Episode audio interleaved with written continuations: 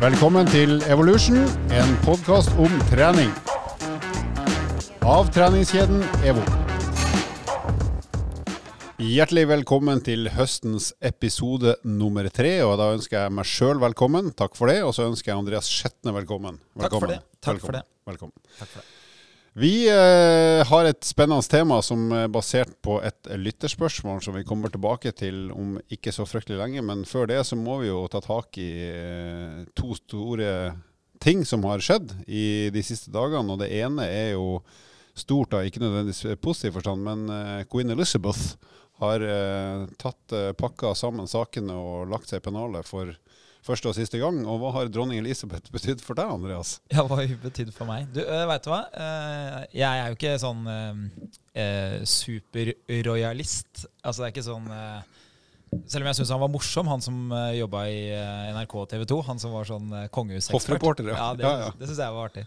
Uh, nei, altså hva har hun betydd for meg? Eh, hun har nå sittet siden 1952, hvis ikke jeg husker feil. Det var vel et 70-årsjubileum her nettopp. Kanskje det var 1951, men jeg tror det var 1952. Eh, så det betyr jo at eh, jeg har jo egentlig eh, ingen andre referanser i det britiske kongehuset enn at hun har vært leder. Nei, så Hvis noen sier dronning, så tenker du på dronning Elisabeth, for det, det, Ja, det er hun det liksom. ja det, det er det. Men én ting som jeg har tenkt litt på, og det er at jeg kan jo være litt sånn eh, konservativ i egne valg. Altså Jeg endrer ikke med mindre det skaper forbedring. Men jeg er egentlig ganske liberal når det kommer til sånn eh, kvinners rettigheter og altså, sånne ting. For meg, det, Folk må få lov å gjøre akkurat som de vil. Så jeg, det er jo et eller annet i meg som syns det har vært veldig morsomt at det har vært dronning i et av de kjipeste, eldste, mest rigide samfunnene vi har. da, altså Storbritannia de, de driver fortsatt med samvelde, liksom. Ja, og det, Så vidt jeg har sett ut fra en del filmer som da ikke er dokumentarisk, men så har jeg jo vel eh, hatt det ganske tøft i starten. I starten da les 50-, 60- og 70-tallet for at hun rett og slett var dame. Så det er jo eh, imponerende nummer én å bli så gammel, og nummer to klare å holde det trøkket hun må ha klart i så mange år.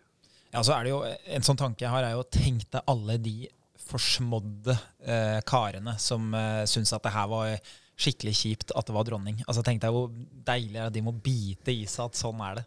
Men det sjukeste må jo være å være sønn da, som har eh, levd i en god stund og tenkt at snart skal jeg bli konge, King Kong.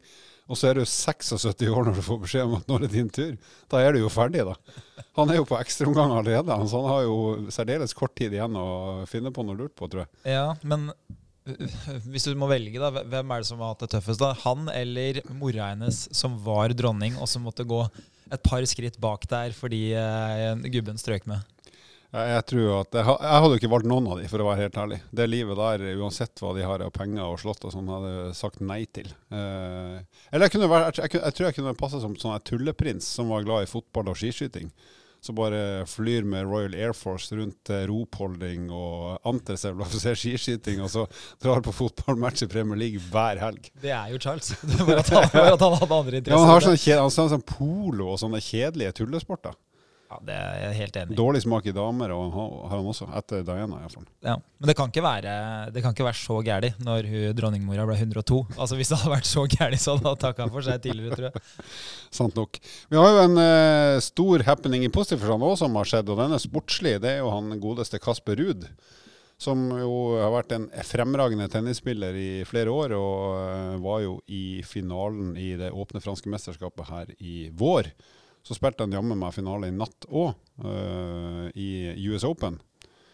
Og tapte riktignok 3-1, men da var han, altså, hadde han vunnet den matchen, der, så han har vært uh, ranka som nummer én i verden i tennis. Og det er ganske eh, hinsides enhver norsk fornuft. Ja, så vil det alltid være sånn at eksperter vil si at ja, men det, han er ranka som nummer én pga. og så komme med det at uh, Wimbledon hadde ikke ranking, og de beste i verden deltar ikke, eller Djokovic fikk ikke delta.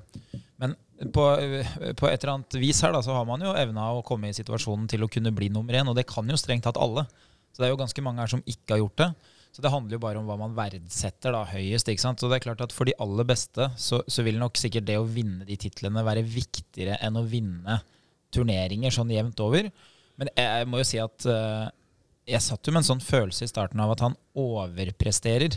Litt sånn følelsen man har Mm. med unge, talentfulle fotballspillere på landslaget og sånn. Du tenker liksom at ja, ja, det, hypen er større enn Det, det var varer ikke så lenge, liksom. Nei. Og så kommer det en hverdag, og så blir det vondt. Men jeg må jo si at han, han er jo faktisk bedre enn den hypen som kanskje var der i starten. For man hypa jo liksom til at ja, kanskje topp ti i verden på en god dag, men altså, han er jo garantert topp ti på eh, i hvert fall på grus og, og på hardt underlag. Så, så jeg, jeg må si jeg er mektig imponert. Ja, altså, jeg, jeg har sett en del tennis da, siden jeg er som de fleste nordmenn, at når det går bra med norske, så må jeg jo se. Og så er tennis en kul sport å se på. Vanskelig å spille. Men han, han slår jo så hardt hele tida òg. Eh, altså, jeg har jo sett for meg han som en litt sånn safe spiller, som slår mye sånn slice backhand og holder ballen i gang. Og han er god til det, men han slår jo nesten bare steinharde slag hele tida. Det syns jeg er rått. Ja, Det er ikke noe tvil om at det de driver med, er det er ikke altså Roger Federer, Federer er jo en, en person som får det til å se ut sånn, sånn som det var i Storbritannia på starten av 1900-tallet. Hvite klær og ikke svett og sånn. Men det som spilles nå, det, det er idrett, altså. Det er, eh, det er klart det er knallhardt å holde på med det der i fire-fem timer når det drar ut der. Og eh, det er jo litt sånn, Hvis du har prøvd eh, å trene styrke for med tunge vekter, så det er ganske hardt å skulle gjøre noe som er nesten maks av den krafta du kan skape.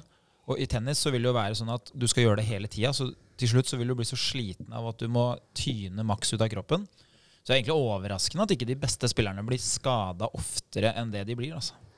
Ja, så er det en mental eh, Altså, jeg vet jo jeg er jo elendig i tennis. Eh, det er jeg jo klar over. Men eh, jeg klikker jo på meg sjøl i hvert eneste game når jeg spiller mot ungene mine. Og det at de der gutta der klarer å holde koken mentalt òg, det, det syns jeg også er ganske imponerende. altså. For de fleste så er, jo, så er jo tennis egentlig en litt sånn teknisk øvelse, ikke sant. Du, du skal jo da uh, klare å hevde deg uh, ved at du skal slå gode slag hele tida.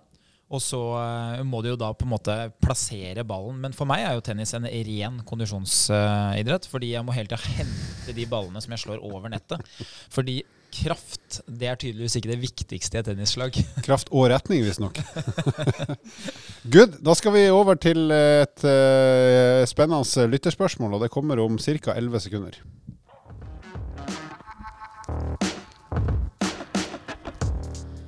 Vi har fått inn et uh, interessant lytterspørsmål som jeg skal lese opp uh, mer eller mindre i sin helhet. Uh, hei, jeg er et stykk, eller én stykk, 36 år gammel kvinne, og jeg er veldig glad i podkasten deres. Takk for det. Det setter vi pris på. Jeg er ikke spesielt overvektig, veier 84 kilo og er 1,70 høy. Men jeg vil likevel ned til ca. 70 kilo, da det er den vekten jeg trives best i. Jeg har vært opp og ned i vekt i hele mitt voksne liv, og for ti år siden hadde jeg PT en stund. Han ga meg en matplan i tillegg til treningen, og det fungerte helt fabelaktig. Jeg husker fremdeles planen hans, så den har jeg begynt å følge igjen nå. Mitt mål er som sagt å gå ned 13-14 kilo, og på den ene siden handler det kun om utseende, men samtidig eh, liker jeg alle de andre godene og helsegevinstene som kommer med treningen. På den andre siden så eh, handler det også om det mentale. Trening hjelper psyken min veldig. Og så til eh, spørsmålet. Jeg, jobber, jeg har et ganske sunt kosthold, som hun sier hun har begynt med kostplan igjen. Jobber i en butikk, og jeg er på beina store deler av dagen. Jeg tok en kroppsanalyse for noen måneder siden, og selv om den viste at jeg var overvektig, så viste den også at jeg har i overkant av 50 kg muskelmasse, som er mye for ei dame på eh, 1,70. Positivt mye. Jeg lurer på om jeg kan komme meg unna med å kun trene kondisjon frem til jeg når den vekten jeg vil være på, altså dvs. si rundt 70 kg. Eh, Eller må jeg trene styrketrening i tillegg? Og hva skal vi svare på slikt, Andreas? Nei, skal vi ta og gå litt sånn strukturert igjennom de ulike tingene da, som vi nevner her.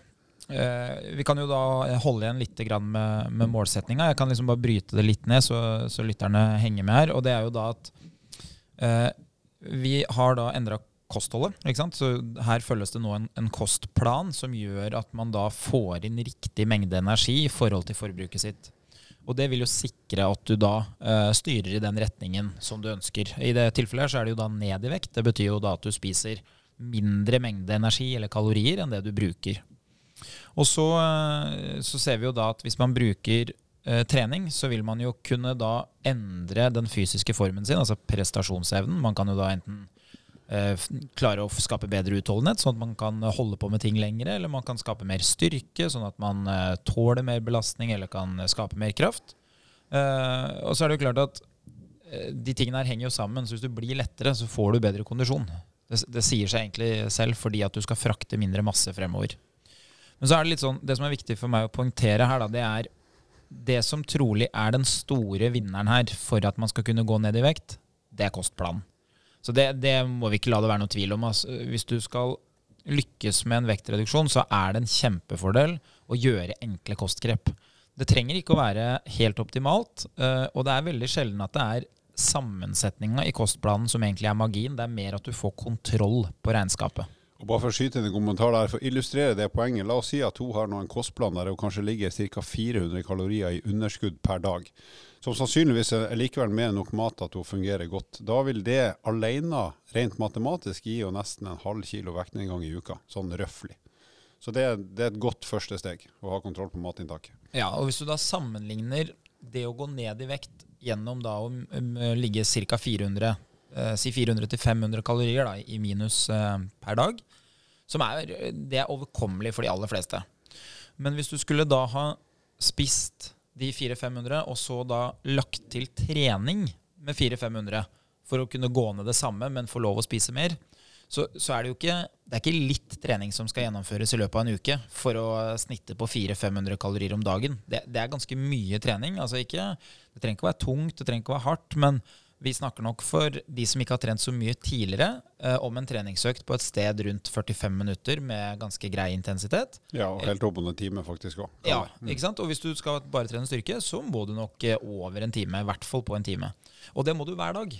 Så Sånn sett så vil alltid kosthold eh, være den enkleste måten å angripe vektreduksjon. Ja, og egentlig da begynn, begynn med kosten først, få kontroll på det. Eh, og så eh, når det sitter, eller du har en fornuftig kostplan, da kan vi begynne å bevege oss inn på hva skal du gjøre av trening som skal hjelpe til med å både få formen opp og vektreduksjonen til å skyte fart. Så hvis vi nå tar det for gitt at hun har kontroll på kosten, og det høres ut som hun har, og, kanskje ligger sånn ja, 400-500 kalorier i minus per dag. Hva er det lurt å gjøre treningsmessig? Hun har jo ytre ønske her om å bare trene i kondisjon, men hvis vi tenker oss, hva er en drømmesituasjon, hvis du skulle liksom sagt hva er det smarteste treningsvalget ditt når du er i den situasjonen du er i? Ja, for Hvis vi tar utgangspunkt i at hun følger en kostplan, men ikke trener, eh, og ser på hva vil det føre til på sikt, så vil det sørge for at du går ganske mye ned i vekt. Altså så mye ned som du egentlig legger opp til selv. Da. For eh, på et eller annet tidspunkt der, så vil jo kroppsmassen din bli eh, såpass mye mindre at hvileforbrenninga di går ned. Og Derfor så vil du begynne å stoppe i vektreduksjon på et eller annet tidspunkt. Og Hvis vi da ikke gjør noe form for trening, så vil vi da gå ned i vekt. Men vi vil egentlig ikke ha endra muligheten til å bruke energi. Vi har mest sannsynlig da et dårligere utgangspunkt for å bruke energi fordi vi har mindre kroppsmasse. Så vi trenger rett og slett mindre energi hver dag. Så hvileforbrenninga går ned når kroppsvekta går ned, hvis vi ikke gjør noe annet. Derfor, og, det folkens er et viktig poeng. Sånn, så Det er derfor vi ofte snakker om at, eh, at jo da, kosten er planken eller bunnen eh, i, i pyramiden for å komme seg ned i vekt, men, men eh, hvis det er det eneste du gjør, så vil du på et eller annet tidspunkt få et problem med at hvileforbrenninga di går ned. og Da blir det kjempevanskelig å fortsette å gå ned i vekt. Og nesten klink umulig å holde vekta når du en gang lander der du hopper på.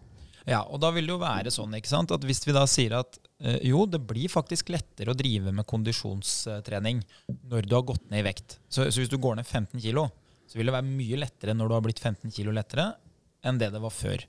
Men det som er grunnen til at det kan være fornuftig å drive med trening mens du går ned de 15 kiloene, det er at vi snakker jo veldig ofte om en periode i tid som er mer enn lang nok til at du kan skape veldig gode endringer fysiologisk. Så i løpet av den perioden hvor du venter på å gå ned i vekt, så kan du jo egentlig komme i veldig, veldig god form. Og det som skjer, da, som er hovedeffekten av det å trene samtidig som man har kontroll på kosten, det er jo at du bygger eh, et potensial i å bruke mer energi. Så det som skjer da, det er at hvis du hadde sagt at du følger en løpeplan, en joggeplan, i samme periode som du går ned i vekt, så vil du mest sannsynlig, når du har gått ned 15 kg, også ha blitt i så god kondisjonsform at du veldig enkelt kan bruke de 400-500-600 kaloriene uten at du må trene hver dag, og uten at du må trene deg veldig, veldig sliten. Og da får du et helt annet spillerom den dagen du er 15 kg lettere. Så utfordringa med å bare følge en kostplan, det er at du nesten er avhengig av å fortsette et kostregime når du har kommet ned på riktig vekt, for å ikke gå opp igjen. Mens hvis du hadde trent kondisjon eller og styrke i perioden, så ville du ha forbedra eh, den fysiske muligheten du har til å være aktiv som igjen gir deg tillatelse til å kunne spise en del mat når du er da nede på det nivået. Ja, så En bra, en smart kondisjonstrening i vektreduksjonsfasen, eller startfasen også, den vil rett og slett gjøre formen bedre. Åpenbart. Samtidig som det blir lettere, men da vil formen bli bedre og bedre og bedre. Sånn at forbrenningsevnen din kan si per minutt kondisjonstrening kommer til å bli høyere og høyere uke for uke, økt for økt. Sånn at du som du sier, hvis du sier at uh, La oss si formen er dårlig til lytteren her nå, uh, det er den sikkert ikke, men la oss anta det.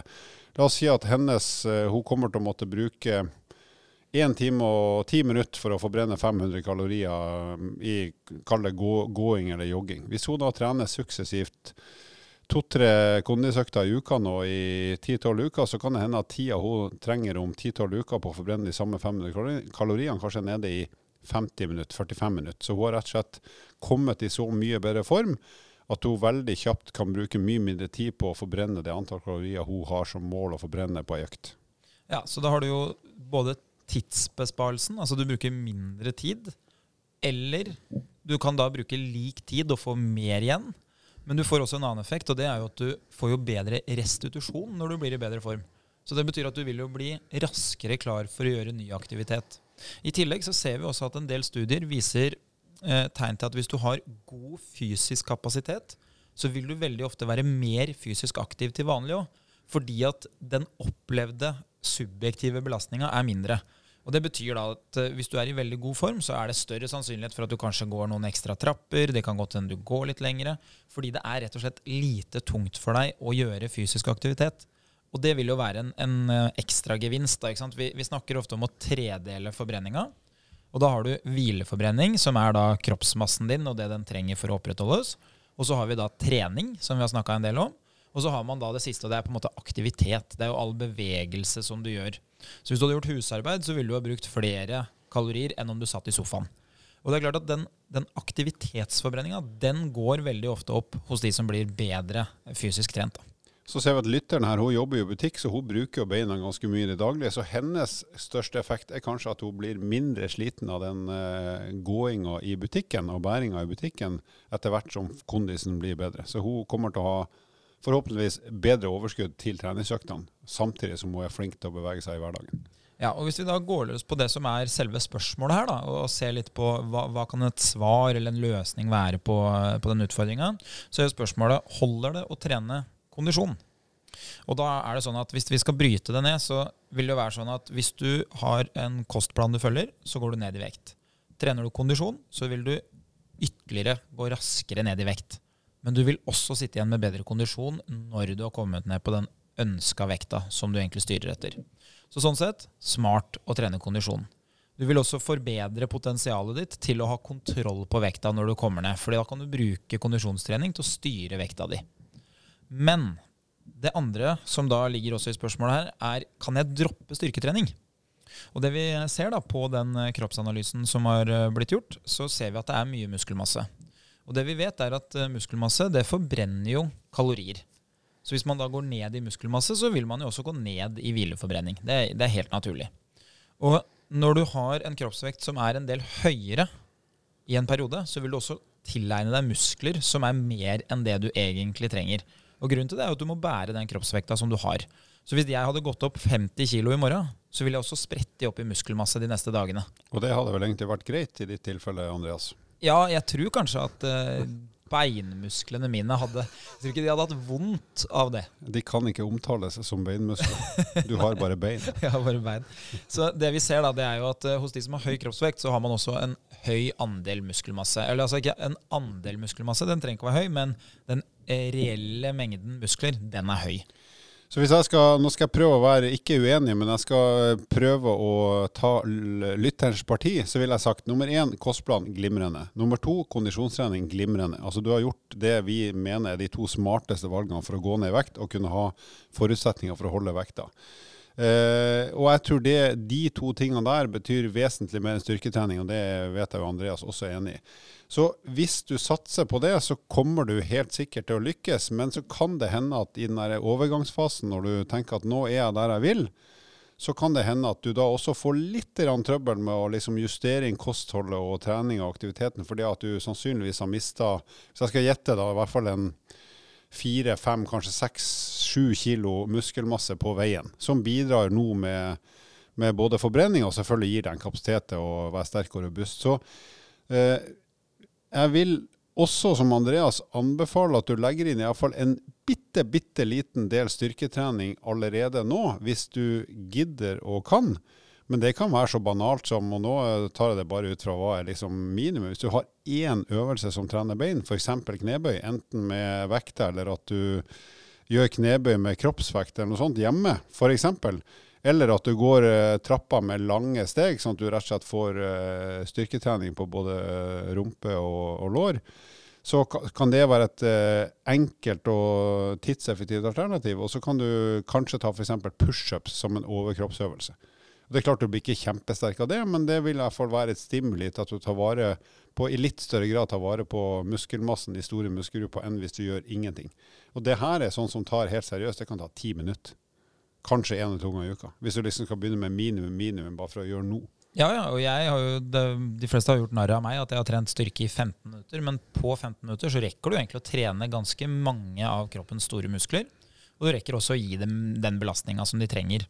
Og eh, med det sagt så er det jo sånn at styrketrening har egentlig ikke noe med vektreduksjon å gjøre. Det er jo noe alle burde gjort. Fordi det styrketrening gir deg sånn rent banalt, bortsett fra muskler, da, så gir det deg en belastning som gjør at alt annet du gjør, ikke skaper så stor slitasje på kroppen.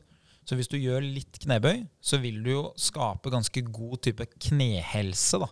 Hvis muskulaturen rundt kneleddet ditt er sterk, og rundt hofteleddet er sterk, så vil jo belastninga på leddene gjerne bli mindre. Og det hvor eh, det er mest gjeldende, er kanskje egentlig ikke for knæra og for hoftene, for det kan du jo kompensere hvis du løper eller som du sier da, går hardt i trapp, eller hvis du går litt bratte bakker i noen korte fjellturer og sånn. Men det er jo overkroppen som gjerne er skadelidende. Det er jo skuldrene, ryggen. Det er jo det som gjerne av og til får sånn eksplosiv belastning. Altså plutselig så Å ja, skal flytte den kommoden her hjemme. Ja, den er jo da 150% tyngre enn det jeg noen gang har løfta de siste ti åra. Et lite tips der, ta ut klærne. Ja, ta ut klærne. Av kommoden også. ta ut skuffene. For når de begynner å utskjult, det er da det blir hardt. Nei, så, så mitt tips er jo at alle bør jo trene styrke, uansett. Men det trenger ikke å være sånn at styrketrening skal settes i en regi hvor det er fire timer hver uke. Det holder i massevis at du gjør enkle øvelser. Og som du sier, hvis du gjør knebøy, så får du jo trent beina, men du får jo også trent ryggen hvis du har litt ekstra vekt som du holder f.eks. I, i favna. da. Og så er det jo da å gjøre noen enkle øvelser for, eh, for skuldrene. Hvis du hadde hatt to halvlitersflasker med vann, og løfta de over hodet, så ville det gjort underverket for skuldra dine. Hvis du bare gjør det tre ganger, ti ganger. Og det her kan du gjøre etter at du er ferdig med kondisøkta, fordi at det tar maks ti minutter. Det er ikke sånn at du trenger å sette deg på torsdag skal jeg bruke en time på styrketrening. Du legger det inn som en avslutning av ei kondisøkt, sånn at du egentlig bare har det samme antall økter og ikke kompliserer med å legge inn ekstra. Nei, og så er det sånn at hvis du skal få effekt av kondisjonstrening, så, så bør du ende opp med at uh, du blir svett etterpå og helst må dusje. Mens for å få effekt av uh, styrketrening, så kan du egentlig fint trene til du hadde begynt å bli svett, og så gi deg. Det er jo klart, Skal du bygge det videre, skal du bli enda sterkere, få enda større muskler, så må du jo kompensere med mer trening, tyngre trening. Men her snakker vi om en type styrketrening som bare skal gjøre at toleransen din for det du gjør til vanlig, skal være god nok. Og det er klart at Hvis du jobber i butikk, og du da begynner å kjøre litt knebøy hjemme, bruke skuldra dine litt, så er det ikke noe problem å gjøre de oppgavene du møter på jobb. Problemet ofte hos de fleste er jo at de oppgavene du møter på jobb, de er det så mange av, de gjentas så ofte, at slitasjen blir stor pga. volumet. Og da trenger du bare bitte litt styrketrening, så har du egentlig kompensert for det. Jeg sliter jo med det hver dag, for jeg, bruker, jeg trykker mye på L-knappen på tastaturet mitt. Jeg må ha noen andre bokstaver snart. Jeg må bytte språk. ja, ikke sant. Men eh, hvis vi skal være litt enda mer konkret nå i forhold til hvor ofte tror vi det er lurt for hun her å trene da, for å nå det målet? Kombinert med kostplanen. Er det to ganger i uka, tre ganger i uka, eller hva, hva kan være en sånn fornuftig oppskrift som en sånn ramme? Nei, For å være helt ærlig så er det sånn at du trenger ikke å trene for å gå ned i vekt. Det, det vet vi av, eh, av, mange studier at det trenger du ikke. Men hvor mye trenger du å trene for at du skal kunne få en effekt av det du har gjort? Og da er det sånn at hvis du trener én gang i uka med kondisjon, og du har kontroll på hva du gjør, og hva du skal gjøre bedre neste gang, så blir du i bedre form. Men så er det jo sånn at hvis du først trener én gang i uka, så ville det jo vært mer effektivt om du trente to ganger i uka. Og det å trene to ganger i uka det er ikke veldig mye, men det vil gi ekstremt mye mer avkastning enn én gang. Så hvis du sier at du hadde brukt 50 minutter på kondisjon og 10 minutter på styrke to ganger i uka, så ville du etter en tiukersperiode sett kjempestore forskjeller. Og der må jeg skyte inn, hvis det er en plan som er realistisk i forhold til livet ditt, eh, og som du vet at der har jeg kontroll på, mindre du blir syk eller noe uforutsett skjer, så vil jeg også tenke at gi deg sjøl muligheten til å smette inn ei tredje bonusøkt av og til, hvis du er i form til det, eller ser at oi, nå har jeg søndagen helt åpen. Uten at det skal være noe tvang at du må ha den tredje økta. Men, men, da kan du av og til, på, når du ser at muligheten er der og du føler deg pigg, så kan du legge inn ei tredje økt, eh, sånn at du har det i bakhodet hvis det dukker opp en, en fornuftig mulighet. Og Da har vi virkelig et treningsvolum som gir deg enorm effekt på, på formen, og som kommer til å pushe vektnedgangen i riktig retning. For, um, for, halvannen uke siden så var jeg på, på tur med en uh, kompis. Og så skulle vi bare svinge innom og trene styrke på et av EVO sine treningssenter. Var det det julebordet som hadde blitt utsatt? Det stemmer. det stemmer. Så, skal du fortelle mer om det? Ja, det, det skal jeg absolutt ikke gjøre. Uh, nei, vi var jo et helt annet ærend. Men vi tenkte jo da for at man skal ha en god følelse, og når vi da våkner dagen etter, som gjerne blir en krasjlanding, det er jo sånn det ofte blir når det først er fest. Det Ut fra det du sier nå, så da, det her treningsøkta var før julebordet? Den var var før julebordet. Ja. Fordi det blir ikke noe etter julebordet. Nei, nei. Det er det vi var enige om. Men da hadde vi det sånn at uh, vi har ikke veldig mye tid, og egentlig så hadde vi ikke mulighet til å prioritere det, men vi ble enige om at ok, vi, vi gjennomfører en rask treningsøkt. Og så sier jeg at vi skal trene styrke i, i 20 minutter. Og det kommer til å holde. Vi kommer til å føle at når vi ser klokka bikke 18-19-20, så kommer vi til å tenke det her, eh, det her holdt. Og da er det jo sånn at Jeg har jo gjort det her en del ganger, og han som er med meg, har jo da ikke trent så mye styrke i det siste. Men han har trent veldig mye styrke før.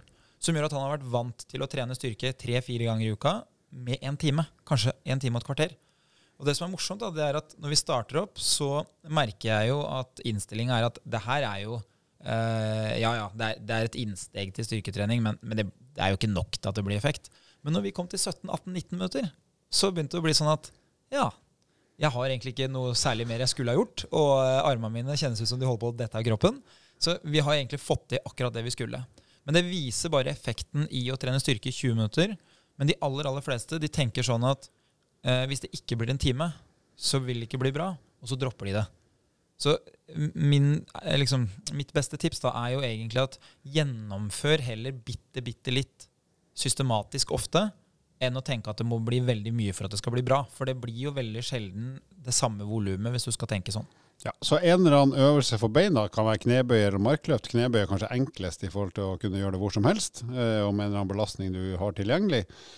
Og pushups i en eller annen variant. Er kanskje også en sånn eh, roøvelse for å få beveget skuldrene den andre veien òg, og ryggmuskulaturen også. Så en kall det knebøy, en roøvelse og en pushupsøvelse, så har du dekka de aller fleste behov på det nivået du er i nå. Så kan du heller bygge ut det etter hvert når du ser at formen utvikler seg, og du kanskje får andre mål etter hvert. Ja, og så kan man jo, hvis man ønsker det, legge til to enkle øvelser til slutt. Som den ene øvelsen eh, den er effektiv for, eh, for, kroppen, og den andre den er jo effektiv for det mentale. Og det er hvis du eh, har en matte på gulvet, så starter du med å ligge på magen, og så heiser du bein og armer.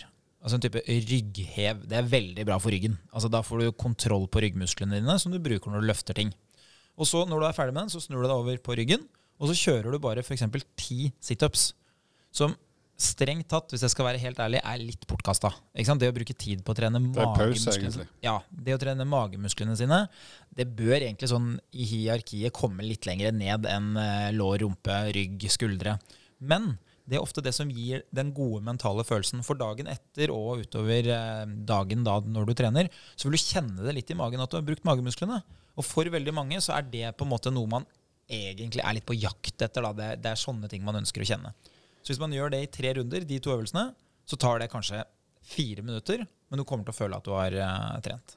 Og på den kondistreninga så uh, snakker vi økta på så har vi 30-45 minutter, og gjerne en av de en eller annen form for intervall med ganske høy intensitet, så vil si 85-90% av makspuls, eller der du blir skikkelig andpusten i i hvert fall 15 av de minuttene du skal holde på, da, men del det gjerne opp i flere biter, f.eks. tominuttersdrag eller tre eller fire eller fem, sånn at du klarer å gjennomføre uten at det blir for slitsomt. For det er summen med antall minutt som betyr noe, ikke at du skal ha det vondest mulig lengst mulig før pause. Nei, og uh, det er egentlig et kjempetips å bruke intensitet. Og hvis du ikke har noe problem med intensitet, så gjør det to ganger i uka. Altså Det er ikke farlig for kroppen din, for du har fem hviledager. Så sånn sett så er det ikke noe problem å gjøre det to ganger i uka. Men hvis man ønsker en litt sånn positiv følelse og utvikling av eh, kondisjonstrening, så kan det være smart å ha én som er litt tøff, og en som er kontrollert litt rolig. Fordi det som vil skje etter hvert, når du klarer å vedlikeholde den tøffe økta, det er jo at den rolige den vil jo egentlig bli bedre og bedre. Fordi differansen kanskje er den samme eller større mellom hard og rolig. Og det er ofte det som har vært selve eh, beviset på at mine kunder har blitt i god form, det er jo når de begynner å forstå at rolig trening begynner egentlig å bli veldig bra. Eh, jeg har nå rolig trening som egentlig går på høyere intensitet eller høyere fart eller eh, hva som er parameteret, enn hva jeg hadde når jeg starta. Si løping, da. Jeg løp intervaller på åtte. Nå jogger jeg på åtte og en halv. Mm. den følelsen her, den er veldig, veldig unik. Altså. Ja, så let etter de, de eh, parametrene eller de tegnene på at du faktisk blir bedre, både når du skal trene hardt og når du skal trene rolig. Sånn du, og, og, i styrketrening så må du sannsynligvis ganske fort legge på litt mer belastning eh, for at du skal bli såpass sliten som du vil. Hvor lang tid tipper vi at det her skal ta, da, hvis jeg sier at eh, alt går etter planen, ikke noe sykdom og kostplanen holdes og to faste treningsøkter, av og til en tredje? Hvis jeg skulle ha tippa, så tippa jeg at uh, i løpet av en 25-35 uker, pluss minus, så, så, er du i mål på en sånn måte at du har alle forutsetninger for å kunne holde deg der og, og være fornøyd med både helse og form. Jeg spår jo at hvis du klarer å følge den oppskrifta her, så, så, vil man være i kanonform etter påske. Det, det, er jo et halvår. Det er jo samme tida som du bruker, men da vil du jo altså matematisk sett ha gått ned eh, den vekta som du ønsker. Men tenk hvor mye god treningseffekt du kan få på kroppen i løpet av seks måneder, hvis du da systematisk gjør noe litt tyngre. Jeg, jeg, tipper jo at bare på de seks månedene, hvis du begynner med å gå og jogge bitte litt i dag, så vil du kunne løpe sammenhengende én mil om seks måneder uten problem. Og så er det kule med det her, er at du trenger ikke å vente til påske med å kjenne fremgangen. Jeg er helt sikker på, jeg vet at du om maks fire uker kjenner betydelig forskjell på formen, eh, både for at du har gått ned i vekt, men også for at du har trent godt i bare fire uker. Og med disse ord, og disse eh, håpefulle løfter, vi får stå for det, Andreas, så skal vi nå på østerriksk eh, ønske takk for oss. Da sier vi Auf Wiedersehen. Vil du vite mer om trening, abonner på podkasten og sjekk ut vårt treningsmagasin på evo.no.